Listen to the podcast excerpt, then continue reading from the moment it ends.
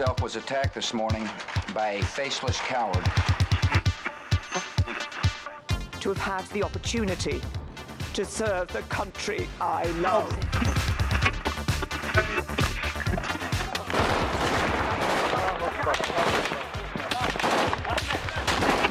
Den Einsatz für Frieden und Freiheit in Deutschland, in Europa und in der Welt.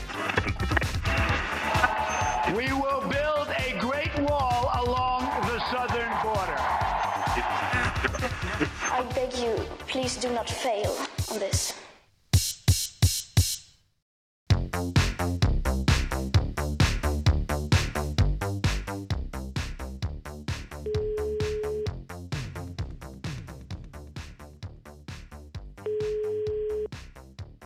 Birta? Já. Já, hæ, heiti ykkur mig, ertu klár? Já, heldur þér. Ok, góðan dag kæra hlustendur. Þið eruð að hlusta á heimskviður. Ég heiti Guðmundur Björn Þorbjörnsson. Og ég heiti Birta Björnsdóttir. Í heimskviðum við fjallaðum það sem gerist ekki á Íslandi.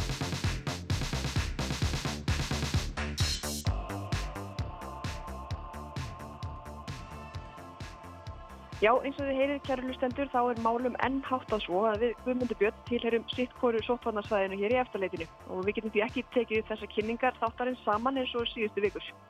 Jú, jú, og satt best að segja vitum við ekkert hvenar þetta breytist. Ég stend þó í þeirri trú að okkar diggu hlustendur kunni bara ágætla við þetta.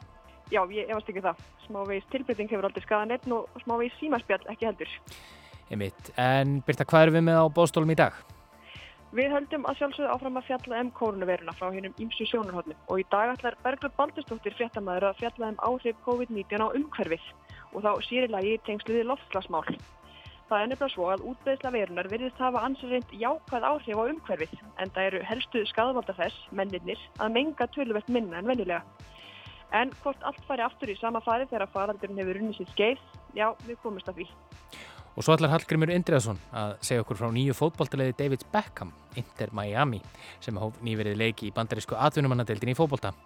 Þá er einhver hann einnig sögu atvinnumannadeildarinnar í bandaríkunum en fótballti hefur ekki notið mikill að vinselda Vestanhafs. En á því hefur verið nokkur breyting síðustu ár, ekki síst vegna Beckhams. Einmitt. En við ætlum að byrja á því að tala um COVID-19 og áhrif þessara koronaviru á daglegt líf fólk sem allan heim. Við erum hægt að takast í hendur, við erum orðin háð streymisveitum, falsfréttir grassiða sem aldrei fyrr og stjórnmálamennir og leðtóa þjóða, já þeir bregðast á mjög ólíkan hátt við þessum vágjasti.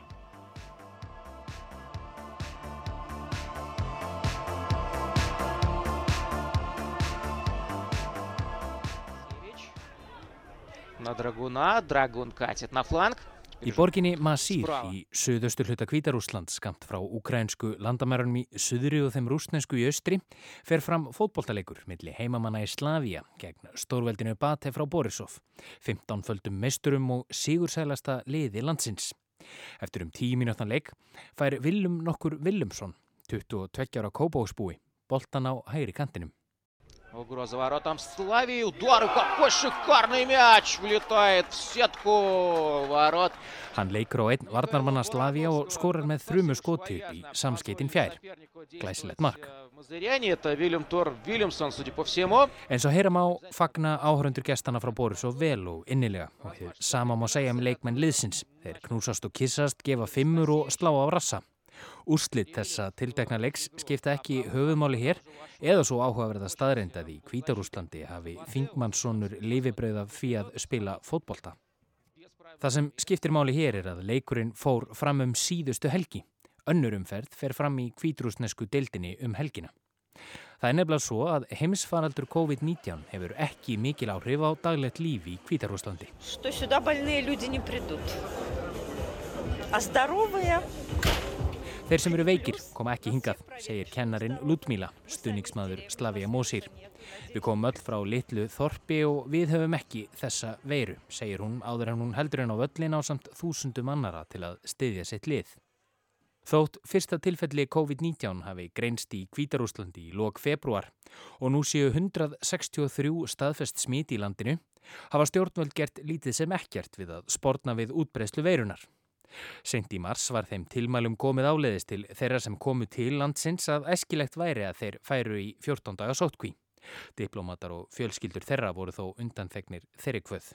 Almenningur í landinu hefur engar leiðbynningar fengið um hvernig sé best að haga sér á þessum undarlegu tímum, ekkert útgöngu og samkomubann er við líði.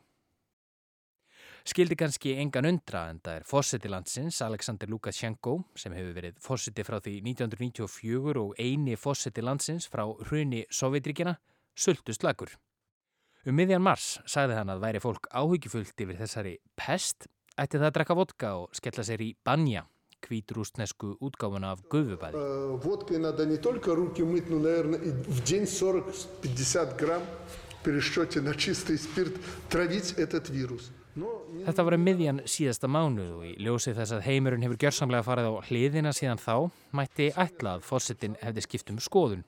Svo er ekki. Hann tók þátt í ísokkileiki í höfuborginni Minsk í vikunni fyrir fullu húsi.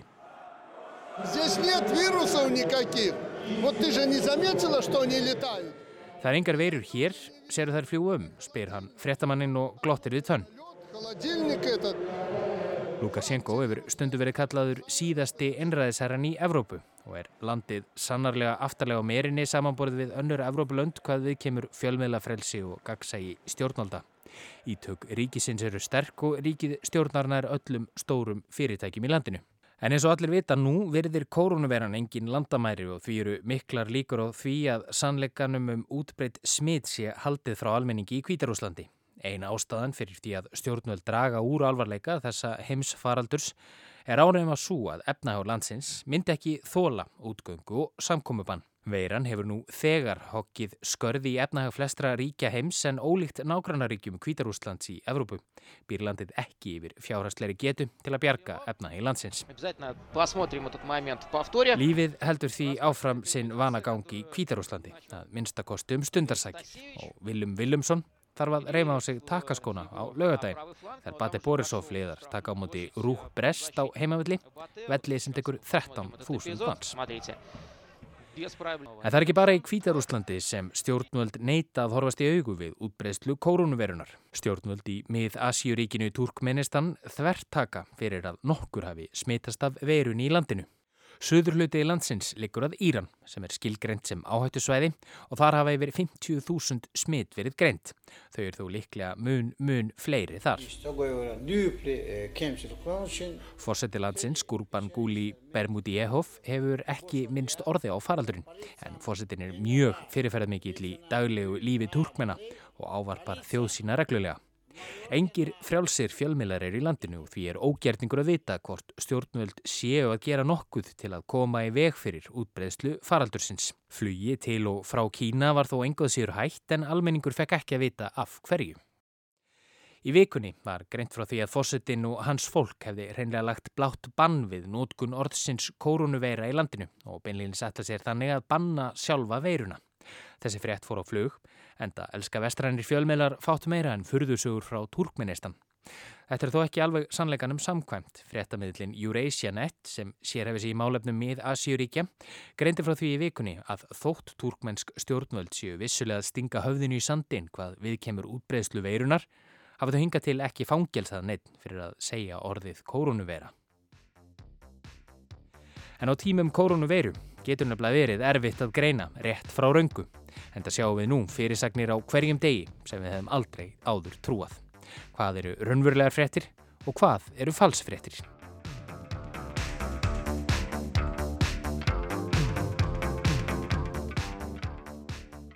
Afi, segð okkur sögu.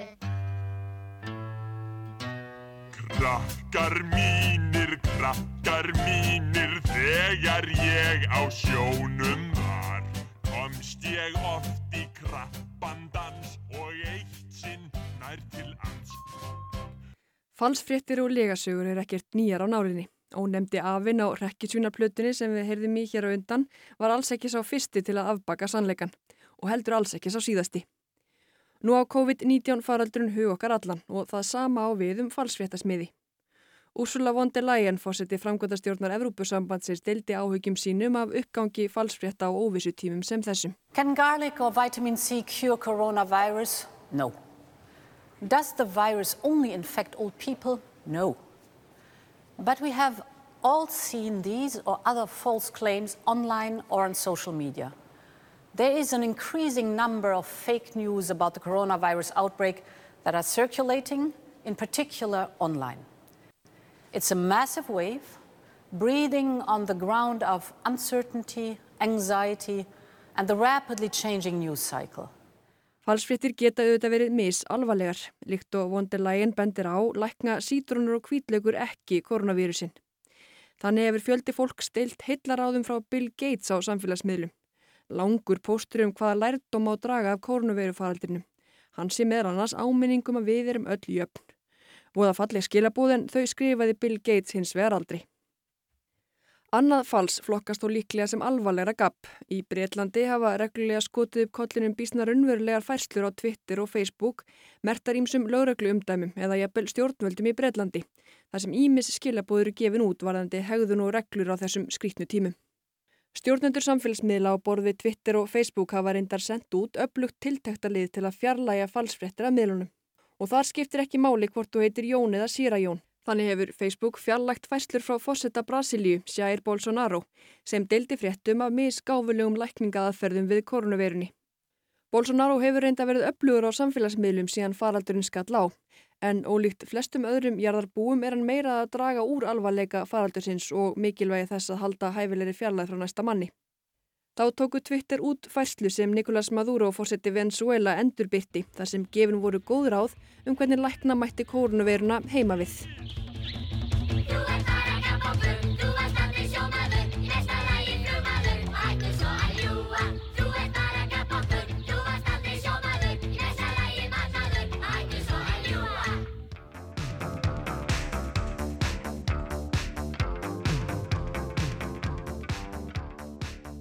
Við nefndum hér áðan afneitun kvítrúsa og túrkmenna á útbreðslu koronavirunar. Stjórnvöld þar eru þó langt í frá þau einu sem hafa gert lítið úr alvarleika faraldursins. Nærtækt dæmi er Donald Trump, bandrækjafósiti. En svo er hinliðin á þessum pólitíska peningi sem verðt er að skoða. Hvernig leðtúar geta nýtt sér þann óstöðuleika sem myndast til þess að tryggja völd sín enn frekar. Ég viðkenni að þeir brásólitið þegar frændur okkar á norska þinginu samþyktu í síðustu viku að heimila ríkistjóðlandsins að setja lög án aðkomu þingsins vegna þeirra sérstöku aðstana sem COVID-19 hefur skapað. Björnar Moxnes, leðtogi vinstirflokksins Raut, sagði kjölfarið að Erna Solberg, fórsetis ráð þeirra, væri þannig orðin fyrsti einræðisherra Noregs á friðartímum í rúm 200 ár. Takka skal þó fram að þessi heimild gildir aðeins í mánuð og þingið getur afturkallað hana og Solberg hefur sjálf þvertekið fyrir að þessi umdelda lagabreiting eigi nokkuð skilt við valdarán. En þetta vekur okkur til umhugsunar um stöðu líðræðis á tímum COVID-19. Í Silfrinu á Rúf síðasta sunnudag sagði Ingeborg Solrún Gísladóttir fyrirverandi auðarikis ráð þeirra og fórstjóri líðræðis og mannreittindaskrifstofu Öryggis og samvinnustofnunar Evrópu, ÖSE, að það eitt að lýsa yfir neyðarástandi eins og vel flest ríki össi eru búin að gera feliðli málsins samkvæmt í sér á hverjum brota á mannreitindum. Það geti því verið frestandi fyrir stjórnmálamenn og stjórnvöld víða að ganga að lægið í þessu ástandi sem nú ríkir. Og við skulum heldur ekki gleyma því að það eru auðvitað til stjórnvöld sem að, svo ég not, segir nú, það nota ferðina mm -hmm. til þess að, að svona ná ýmsu öðru fram í, í leiðinni. Stöldrum aðeins við þessi orð Ingibergar að þeir noti ferðina. Eitt þeirra stjórnmálamanna sem verist sannarlega vera að nota ferðina er Viktor Orbán, fórsetis ráð þeirra Ungverland sem í vikunni samþykti ungarska þingið lög sem veita honum völd sem ekki hafa sérst áður á fríðartímum í Evrópu. Most a záró szavazás következik. Felhívom szíves figyelmüket, hogy az alaptörvény meghatározza az egységes javaslat minősített többséget. Orbán fær nú að stýra landinu með tilskipunum, sínum eigin.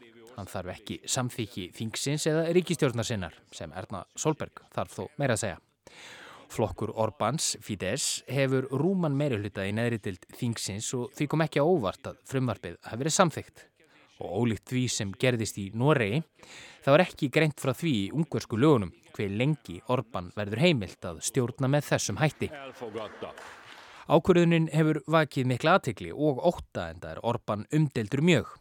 Frá því hann tók við ennbætti árið 2010 hefur svo kalluð valdbóðsstefna aukist í landinu til munna. Hann er yfirleistur þjóðurnir sinni, þykir populískur mjög og fréttaskýrnitur hafa gengið svo langt að kalla hann einræðisherra. Úrsula von der Leyen, fósiti framkvæmtastjórnar Evrópusambandsins, gaf á þriðidag út yfirlýsingu þar sem hún áréttar mikilvægi þess að hverjar þær neyðaraðgerðir sem ríkistjórnir grípa til vegna faraldursins séu tímabundnar og megi ekki vara um ófyrir síðan tíma. Hún nefndi Ungarland ekki sérstaklega en á máli hennar má ráða að Orban og atbyrðir síðustu daga í ungverska þinginu eru hennu ofarlega í huga.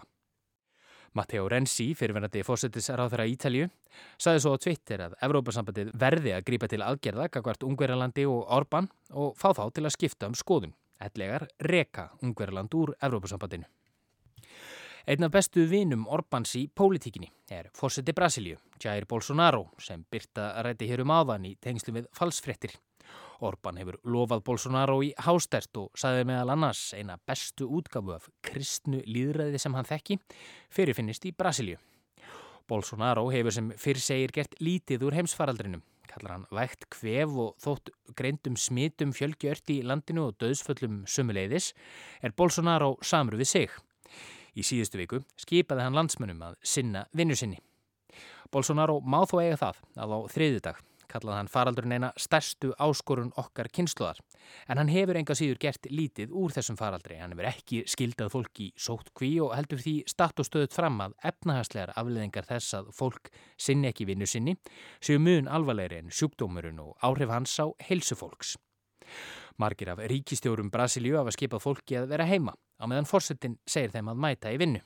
Hverjum á hlýða, spyr óupplýstur almenningur og til að flækja þessa stöðu en frekar þá náði enn einn undarleg falsfrettin flugi landinu mitt í miðju þessa alls. Svo fjallaði um að bandariska streymisveita Netflix ætlaði að bjóða öllum brasiljumunum fría áskriftað Netflix á meðan kórunveru faraldurinn gengi yfir. Kættust á margir siðra en ekki Bolsonaro þar sem hann vil að fólk mæti til vinnu. Og áður en við ljúkum yfirferð okkar um hvernig hennir ímsu stjórnmálamenn breyðast við útbreyslu COVID-19 frá hennu pólitíska sjónarhortni Það er það í sjálfu sér áhugavert hvort nótkun streymisveitna hafi ekki aukist.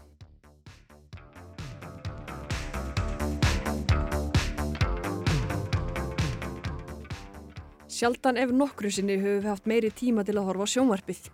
Þegar það litla sem eftir er að félagslífi okkar er orðið rafrænt og öllum mannfögnuðum hefur verið frestað um óakveðin tíma er alveg eins gott að vera bara heima og horfa á Netflix. En það hefur álægið á streymisveituna verið þvílíkt að þar á bæ þurfti að minka myndgæði og efninu innan Evrópu. Svo öll getur nú öruglega rifjað upp Friends eða glimt sér yfir personugalleríunni í Tiger King. Við notum Spotify líka öðruvísin áður. Hlustun á hlaðvörpum hugleðslu og ræktun mannsandans hefur aukist mikið. Sumuleiðis lagalistar sem eiga að virka hvetjandi við matseld og önur heimilistörf. Þeir eru ófáir lagalistarnir sem hafa verið settið saman í tilefni heimsfaraldurs og tilefnandi heimavistar fyrir marga. Á þessum lagalistum hafa þó nokkur eldri lög gengið í endur nýjun lífdaga. Þannig hefur streymi á þessu lagi hér aukist um einn 135% síðustu daga og vikur.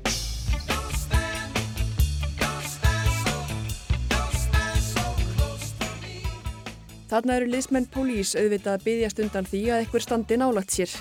Fyrirtagsráð þegar að tveggja metra reglan skal nú allstaðar höfði heiðri. Önnu lög hafa sömulegðis fengið meiri hlustunum oft áður. Nú þegar ekki má snerta nokkuð hlut.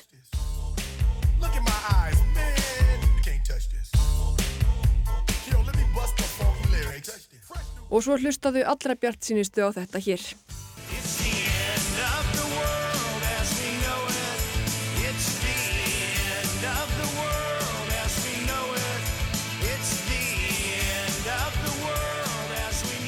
Ekki standa náletnir, ekki snerta þetta, heimsendir er í nándum, þetta er sungið og um þetta er fólk að hugsa um veröld víða og stjórnmálamenn líka sem eru eins misjafnir og þeir eru margir. Á Filipsegjum hefur einn leitriki fósiti Rodrigo Duterte, maðurinn sem hatar Ísland, skipað allræmdum öryggisveitum sínum að skjóta þá sem ekki verða reglur um ferða og samkomiðbann í landinu. Öryggisveitir fórsetans hafa hingað til verið notaðar til að myrða fíknefnasala og neytendur með köldu blóði á götum úti, eitthvað sem hefur hlotið harða gaggríni alþjóðasamfélagsins. Philippine President Duterte has warned he would order local police and military to shoot dead anyone who creates trouble during the month-long lockdown of its main island, Luzon, to halt the spread of COVID-19. Um helmingur Filipsæðinga er í sótkví og því geta miljónir manna ekki synd vinnu sinni vegna faraldursins. Littlu skára er ástandið í Kambodíu. Á þriðjudag samþykti ríkistjótt landsins neyðarlög sem heimila afnám borgarlegra réttinda fólks og að dreyið verði úrlýðræði og hömlur settar á fjölmiðla. Mannrettindavakt saminuðu þjóðana kom þeim skilabóðum áleiðis til kambodískra stjórnmálta að draga skuli lögin tilbaka samstundis. Á sama tíma segir hún sen, fórsettis ráþara Kambodíu, lögin nöðsynleg til að takast á við COVID-19 og til að koma í veg fyrir útbreyðslu faraldursins. Staðamannrættinda í Kambodíu fyrir útbreyðslu faraldursins var slæm og innan alþjóðasamfélagsins ringja nú viðvörunabjöllur. Í þessum nýju lögum er nefnilega Marta á reiki og þykir þau vægast sagt loðin. En það er greint fyrir því að ríkistjórnin fái fullt vald á allri fjarskiptatækni, stjórn á fjölmiðlum og samfélagsmiðlum. Þá hefur ríkistjórnin einni fullt vald til frelsiskerðingar þegna sinna og sjálfs þingsins.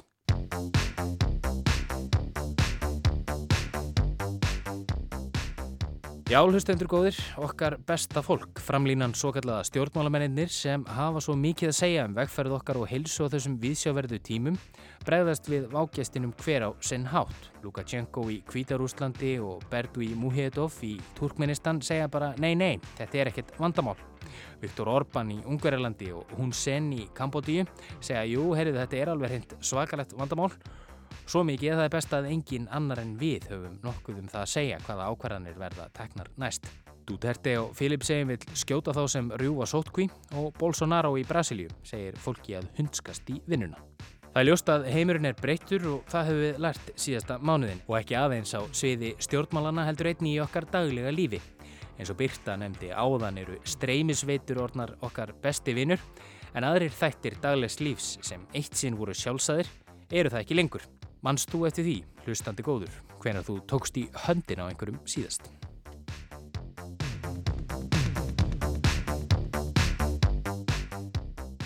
Eins og við komum aðeins inn á hér áðan þá horfum við meira á sjónvarpið en áður.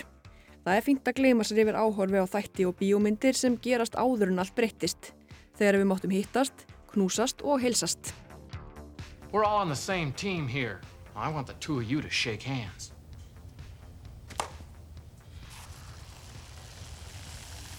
There now. Isn't that better? Yeah. Sure. Þetta heyrðu við af þjettingsföstu handabandi þegar Topper Harley og Kent Gregory í grínmyndinni Hot Shots 1. Leiknir af þeim Charlie Sheen og Gary Elfs takast félagarnir svo vel og innilega í hendur að höndin á þeim fyrrnemda bráðunar. Það var þó ekki út af COVID-19, myndin er gerð árið 1991. Nú veit ég ekki hvernig það er með þig, kæri hlustandi, en áhorfa á handabönd, faðumlu og knús er skindilega farið að vekja hjá mörgum undarlega tilfinningar. Mörg eru svo fljótað aðlagast breyttum reglum að áhorfa á fólki í sjónvastáttum sem hlammar sér hlið við hlið í sófa með í mestalagi 2 mm á milli sín eða fólk sem tekur þjettingsfast í höndin á næsta manni eins og þeir í hotshots vekur meiri viðbröð en oft áður.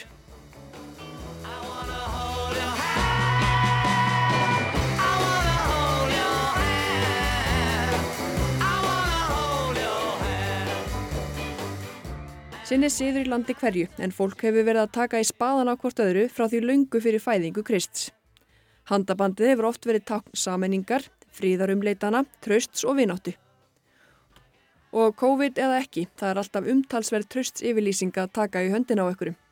Þú veist aldrei hvað hann var síðast að gera með höndinni. En nú reynir ekki eins og náða, það má ekki taka í höndin á neinum.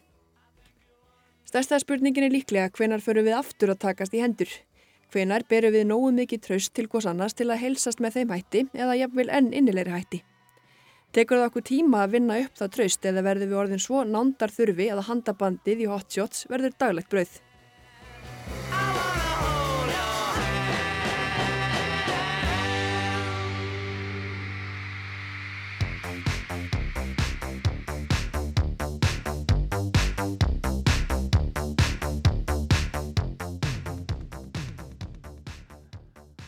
Fáttur svo með öllu ílt að ekki bóði gott, segir máltækið. Á meðan COVID-19 setur stjórnmálamönnum stólinn fyrir dyrnar og opnar dyr fyrir aðra, veriðst útbreðsla hennar hafa jákvæða áhrif á umhverfið. Og það er auðvitað vegna þess að hún leggst á okkur mennina.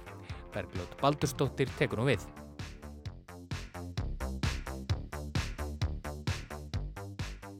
I came home from from Central Europe and then I I isolated myself from the beginning because I thought that well I might as well I've been on trains and so I don't want to put anyone else at risk. But then I started feeling some symptoms. Þetta er Greta Thunberg, hinn þekta sænska baráttustúlka. Frettir af baráttennar og ungs fólksum heim allan hafa fyllt stóran hluta frettatíma um víða veröld síðastliðið ár.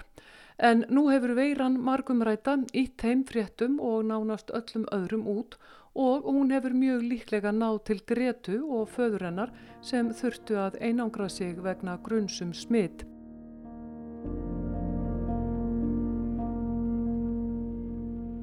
Bóðað hafi verið til viðtækra mótmæla 22. apríl á degi jarðarinnar. Ekkert verður úr þeim, eða réttara sagt þá hafa þau færst á netið. Í stað þess að þyrpast út á götur og tork verða mótmælin stafræn. Earth Day Goes Digital stendur á vefsíðu þeirra. Greta Thunberg er hugsi yfir vírusnum. If one virus can wipe out the entire economy in like in a matter of weeks and shut down societies, then that is a proof that our societies are not very resilient. Ef einn vírus getur þurkað út hagkerfi heimsins og lokað heilu samfélagunum, þá sannar það að samfélag okkar eru ekki mjög sterk, segir hún.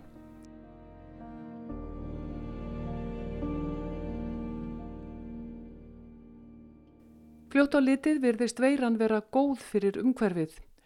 Samgöngur hafa dreyjist saman vegna veirunar, bæði bíla og flugumferð og þetta hefur orðið til þess að dreyjið hefur úr loftmengun. Það kemur þóstinni Jóhansinni sérfræðingi loftgæðum hjá umhverfistofnun ekki á óvart því þetta hefur gerst áður. Þetta hefur ekki sérst áður á, á þessum skala allavega. Ebla var þess að gera greiningar á umföðinni hérna í Reykjavík, verkaðast var Ebla og fyrstu vikunum sem við skoðum þá var sko minkaði umföðin 23% og svo eftir að samkvæmbanni var herta en frekar þá er sko, umföðin búin að minka um 38% í Reykjavík með eðlega umferð áður. Þannig að þetta er, þetta er veruleg breyting og, og svo náttúrulega sérstaklega í, í flýjun, það er náttúrulega, ég er svo sem ekki með að tölu þar, það er náttúrulega algjört flugun, það er eitt til tjóða flug til Íslands á dag núna sem er mjög miklu breyting og þetta er náttúrulega dregur úr losunlöfningunni þarna og, og gróðslöfningunni, það er náttúrulega alveg klárt. Er eitthvað vitað hvað þetta dregur mikið úr gróðrúsaloftegundum? Er þetta að geta sér eitthvað til um það? Sko allavega bara frá umferðinni með það að hérna, umferði hafi núna minkað um næstu því 40% hérna á höfuborgarsvæðinu þá má bara gefa sama sem ekki við það að losum gróðsáloftegunda hafi líka minkað um, um næstu því 40% og, og öruglega að herri tölur í flýjunu, ég myndi halda lækun í flýji til, til á Íslandi því svona 90% minkun.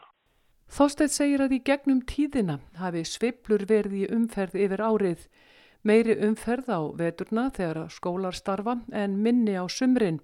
Þá er umferð meiri á landsbyggðinni. Svo eru líka dægursveiplur, meiri umferð á dægin og minni á nóttunni. En svona stórsveipla á heitli viku hafi ekki sést áður. Loftmengun hefur haft gríðarleg áhrif á heilsu fólks. Ég held að mann hafi talað um sko 300.000 ótíðanbært döðsverli í Evrópu á hverju ári og hérna þannig að það búið að stuði þegar loftningun mingi þá sé minni ótímabær döðsvöld og minni svona heilsugast áhrif af völdum loftningunar en þetta er náttúrulega svona talveit öðruvísi hvað sé öðruvísi vá heldur en heldur en COVID-19 uh, hvað sé að fornalömp heilsugarslega aflegginga loftningunar er alltaf andlislaus þetta er alltaf bara tölfræði sem getur dreigið úr einhverju gagnasafni. Þú getur aldrei sett nafn og andlit á andlat út af loftmengun. Það, það, það er annað upp á teiningunum þá núna þegar COVID-19 er.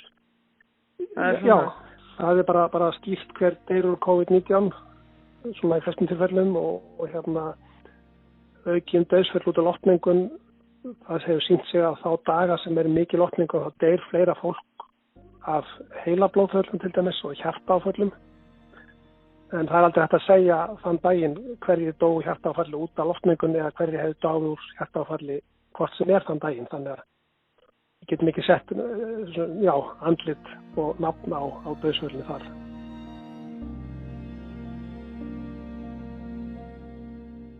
Dr. Aron Bernstein er bandarískur barnalæknir sem stýrir miðstöður lofslags, heilbreyðis og umhverfismála við Harvard Háskóla í bandaríkjunum. Miðstöðin heitir Center for Climate Health and the Global Environment á ennsku. Dr. Bernstein er þekktur fyrir tilraunir sína til að vekja aðtegli manna á tengslum, heilsu og lofslagsbreytinga. Hann var kallaður fyrir bandaríska þingnemnd fyrir tæpu ári og þar lísti hann hvernig þetta blasir við honum. As a doctor, I have cared for children with asthma whose lungs have been so damaged by contaminated air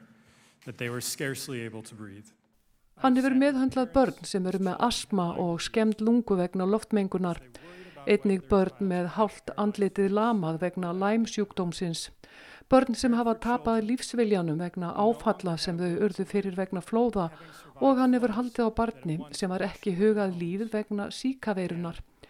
Það sem tengir þessa sjúkdóma saman sé notkun jarðefna eldsneitis. What ties all these experiences together, I am sorry to say, to those communities in this country who depend upon fossil fuels, that it is our reliance on fossil fuels.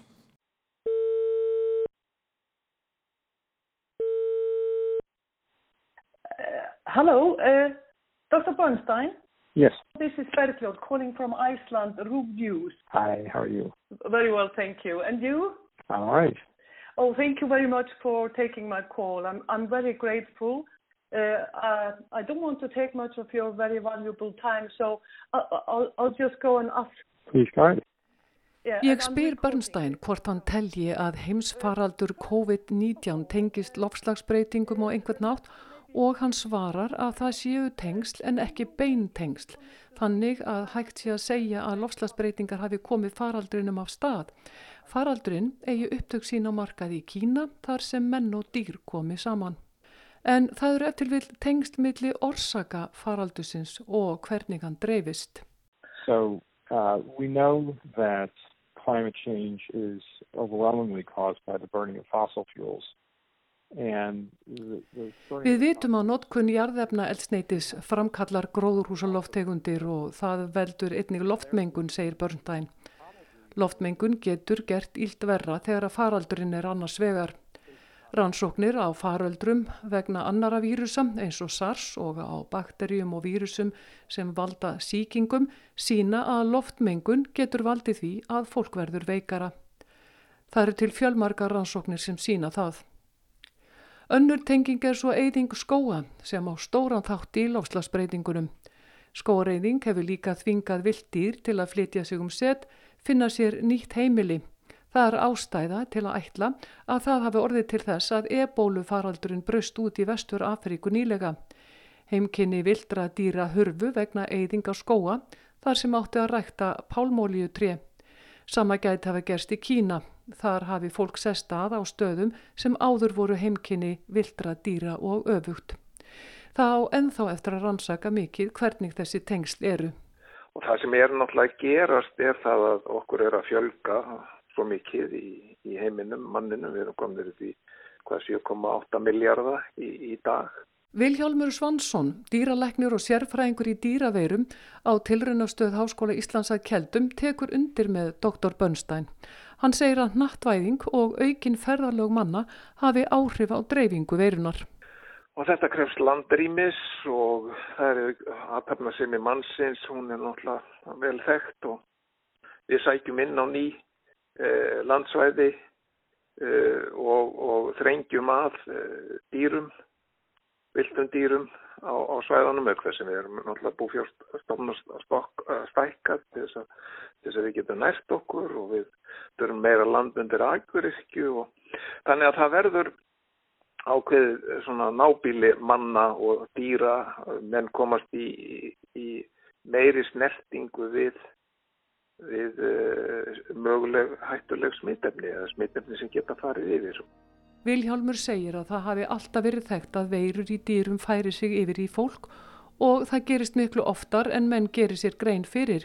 Oftast skiptir það litlu máli en nú gerist þetta með auknu nábíli manna og dýra og nánari snertingu. Mannfjölgunin og mannfjöldin eru ákveðin vandamál. Við erum náttúrulega búin að uppfylla jörðin að verða og, og hérna, við erum allstráðar og allstráðar með eitthvað, aktivitet og, og komum við að við. Þannig að, þessi al nattlæðing hefur náttúrulega gert það verkum og þetta ferðast allt miklu ræðar. Bæði, ég menna, bæði sko mikil vestlun millir landa og, og, og svæða með dýr og vörur og innflutningur og, og dýrahald framandi tegunda. Við erum alltaf að breyta búskaparáttum og fórum, þetta er alltaf að verða miklu stærri einingar til þess að bara fæða mannfinni. Svo er breyting á nesluvennjum og matalaframleysinu við viljum að hafa fá, fá vörurnar hér og nú alla áriðum kring. Ef það fást ekki nákvæmlega okkar þá kvöllum við þá eftir þeim bara hinnum einn af, af nettinum og svo er náttúrulega einhverja kröfur um framandi kjötverur, frestgamiti og, þar fram til göttum.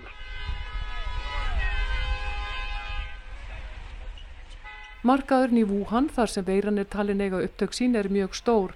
Þar eru meir en þúsund sölumenn með bæði kjött og sjávarafurðir og ef markam á myndir þaðan virðist öllu æja saman. Þetta er ábygglega mjög rík, ríkar hefðir þarna á bakvið. Þú sé þessa myndir af þessu markaðum ennið. Þetta eru lifandi dýr, eh, vilddýr, eh, menn eh, og þessu slátrað á staðnum mögulega til að hafa þetta sem ferskast. Þetta er dögt og lifandi hvað onni í öðru og þetta eru náttúrulega dýr sem eru mikið að verðist vera vilt dýr uh, vitt, lifandi, færð á markaðinn haldið í kannski nágrinni við önnur dýr sem öllu jöfnu komast ekki í, tæri við. Þau eru ábygglega mjög stressuð og stress uh, veldur ónæmisbælingu þannig að ef þau hýsa einhverja smittsjúkdóm eða eitthvað smittefni þá getur það mögulega náða að fara þá fer bremsan af, af sem ónæmiskerfið hefur á, á þau og, og það, það fara að mynda í stærri stíl og þá er allt í hennu komið einhver tegund við hliðin á því sem sem áður hefur ekki, sem er móttækileg en hefur en, en í undir vendilegum kringustæðum myndi ekki hérna, verið snertingu við skefnuna. Flestar kórónuveirurnar sem finnast í mönnum nú á dögum valda vægum síkingum, segir Vilhjálmur, en MERS, SARS og SARS-2 sem núna er í gangi séu mjög meinvirkar. Menn aðeins sagt að þetta séu svona kannski bakgrunnur stórsluta allar þeirra koronaveira sem, sem er að hafa farið yfir tegundafröskuldina. Þetta sé uppbrunni sé í leðublökum hvort sem það eru koronaveirur í mönnum eða, eða, eða hústýrum hjá okkur. 20-25% allra spendýra séu leðublökur. Það séu oft í gríðarlega stórum hópum og veirur eigi gott með að alagast þeim. En hvað á að gera? Við þurfum að auka vöktun auka rannsóknir um, og, og vera tilbúin, reyna að vera uh, tilbúin undir, undir faraldrana þegar þeir, þegar þeir detta inn.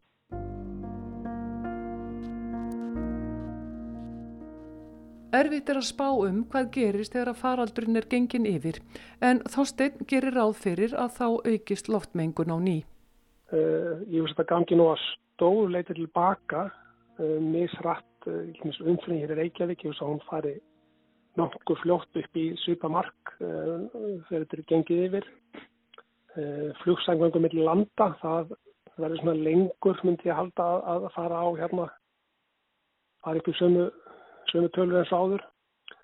Uh, þetta breytir kannski einhvað hugsan átti fólks bæði varandi hérna netverslun og heimsettingu og eins þegar menn eru búin að núna sjá að það er hægt að vera á fjarfundum og ég vil halda fjarfundi millir landa þá kannski ekstra aðeins vonandi áherslan á fjarfundi og minka ferðarlega út af fundarhaldum en svona síðan býsti við að þetta upp í sama aftur og það er sé uppsafnuð þörf á flutningum með einhverju aðtöfnum sem býður núna og fær svo í gang þegar þetta yfir.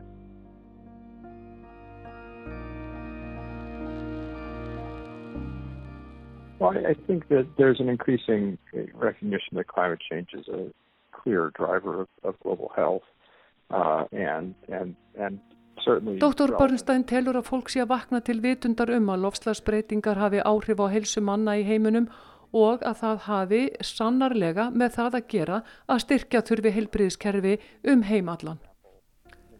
Hann hefur áður sagt að hingað til hafi verið litið á lofslagsbreytingar og stefnur ríkja í heilbriðismálum sem ólík og aðskilin efni. Það sé ekki lengur hægt og sé hættuleg ránkvögumynd. Heilsa okkar sé háð hreinu lofti og öðrum lífurum sem við deilum jörðinni með. Við verðum að samena þetta, segir hann. Örlítil framför hafi orðið því farið er að skoða hvernig síklar smitast úr dýrum í fólk en ennþá lítum við á umhverfið og lífið á jörðinni sem eitthvað tvent aðskilið. Við getum og verðum að bæta okkur ef við ætlum að koma í veg fyrir næsta heimsfaraldur. Það þýðir að við verðum að berjast gegn lofslagsbreytingum og gera miklu meira til að tryggja markbreytileika lífsins á jörðinni sem nú mingar með meiri hraða en sérst hefur síðan reysa eðlutnar og meirinn helmingur alls lífs á jörðinni dó út fyrir 65 miljónum ára.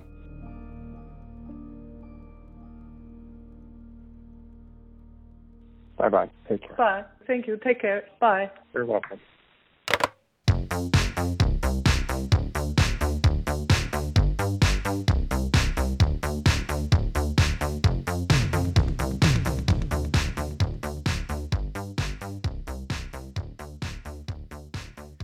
Og þá ætlum við að taka smá COVID-19 hlje og reyma okkur takkaskóna hlustendur góðir. Þótt engin fótbolti sé spilaður um þessar mundir bárust stóru tíðindi úr bandarísku atvinnumannadeildinni MLS í upphafi síðasta mánadar þegar Inter Miami leik sinn fyrsta leik í deildinni. Liðið er hugarfóstur og eign Davids Beckham eins frægasta og dáðasta knatsbyrnumanns allra tíma. En fótbolti hefur ekki alltaf notið vinsælda í bandaríkjunum eins og Hallgrímur Indriðarsson segir okkur nú frá.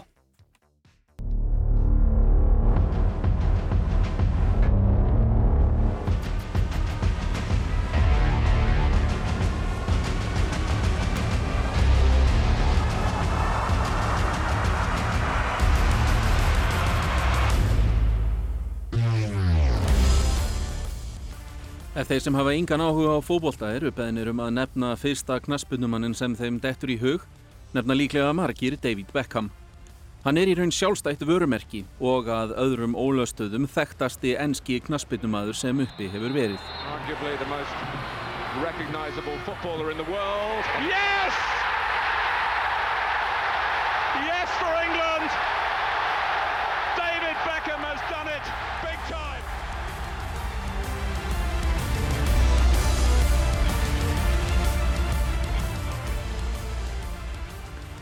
Beckham sem verður 45 ára síðar á árinu mætti á völlin 1. mars með liðinu sínu Inter Miami og þá ekki sem leikmaður heldur eigandi liðsins sem var að keppa í bandarísku MLS-deildin í fyrsta sinn.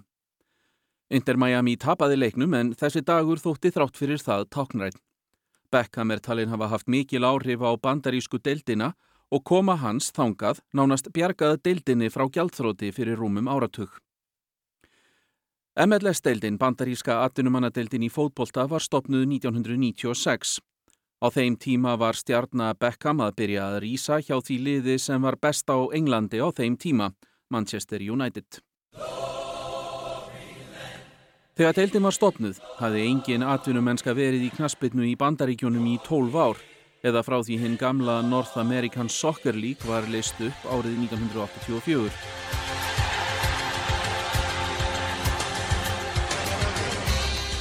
Bandaríkin höfðu tveimur árum fyrir stopnun deildarinnar haldið heimsmestaramót í fótbolta og FIFA hafði sett það sem skilirði að ný atvinnumannadeild yrði stopnuð.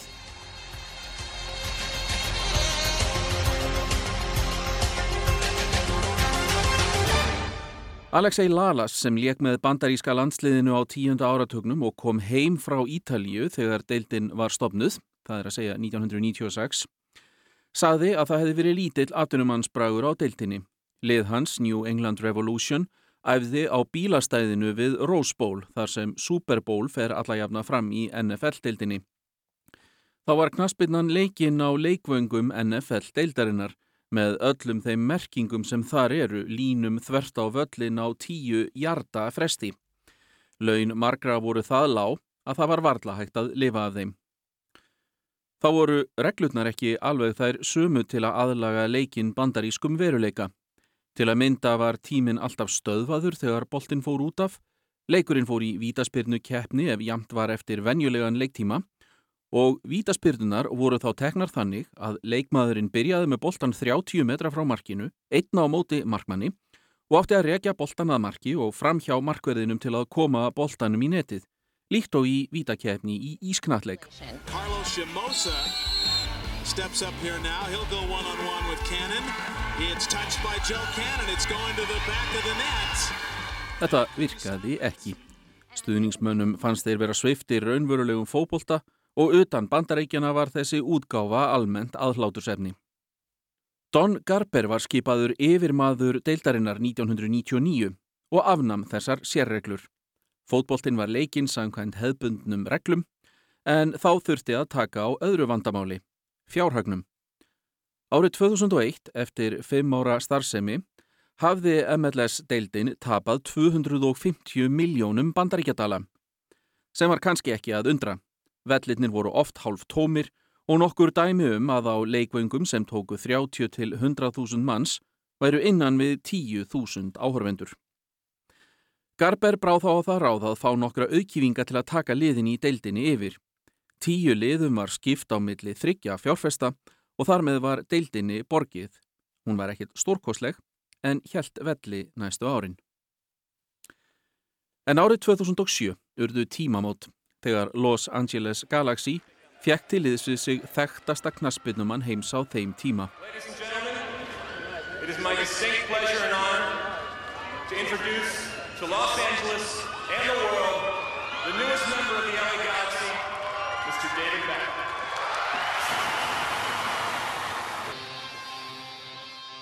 David Beckham hafði þá spilað með spænska stórliðinu Real Madrid undan farin fjögur ár en tilkynnt var um vistaskiptin í janúar.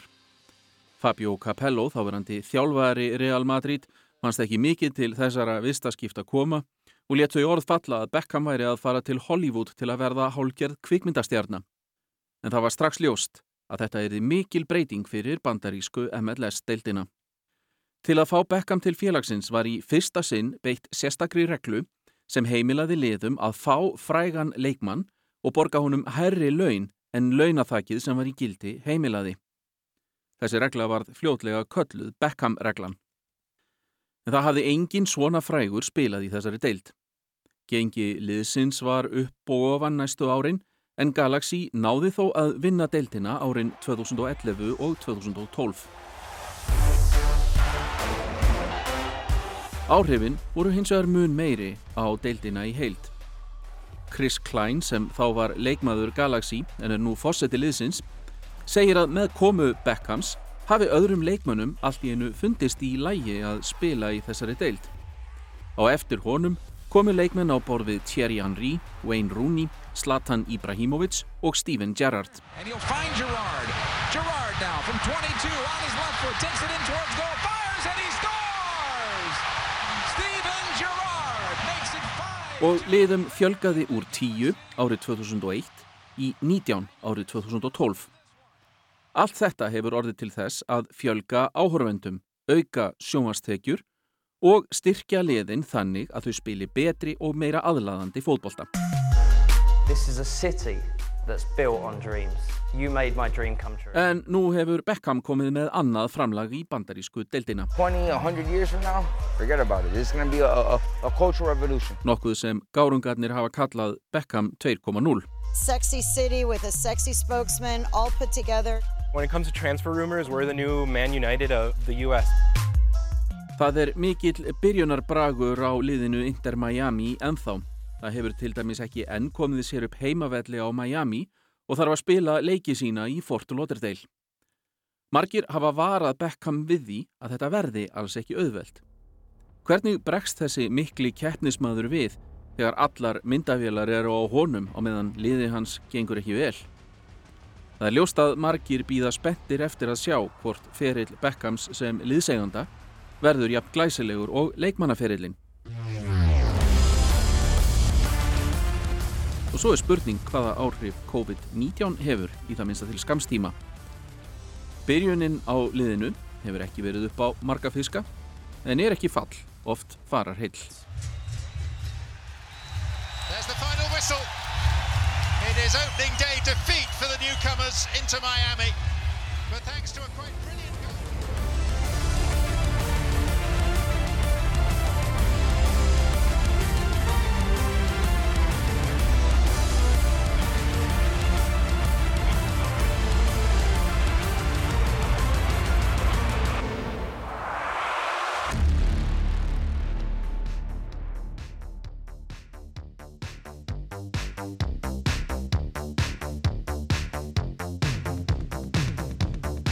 Heimskuður verða ekki fleiri þessa vikuna. Þátturinn er aðgengilegur á öllum helstu hlaðvarpsveitum, Spotify, iTunes og hvað þetta nú heitir allt saman. Já, og svo minnum við á að það er að gerast áskrifandi á þáttunum í hlaðvarpsveitum. Þá koma nýjar heimskuður í snjáltækið vikulega án fyrirhafnar, en það verður reyndar ekki svo í næstu viku eða þannig. Nei, einmitt, þá, þá verður förstárun langi og þá erum við ekki með heimskuður. En það er náttúrulega tilfylgta heimskuður sem hættir að hlusta á í middeltíðinni.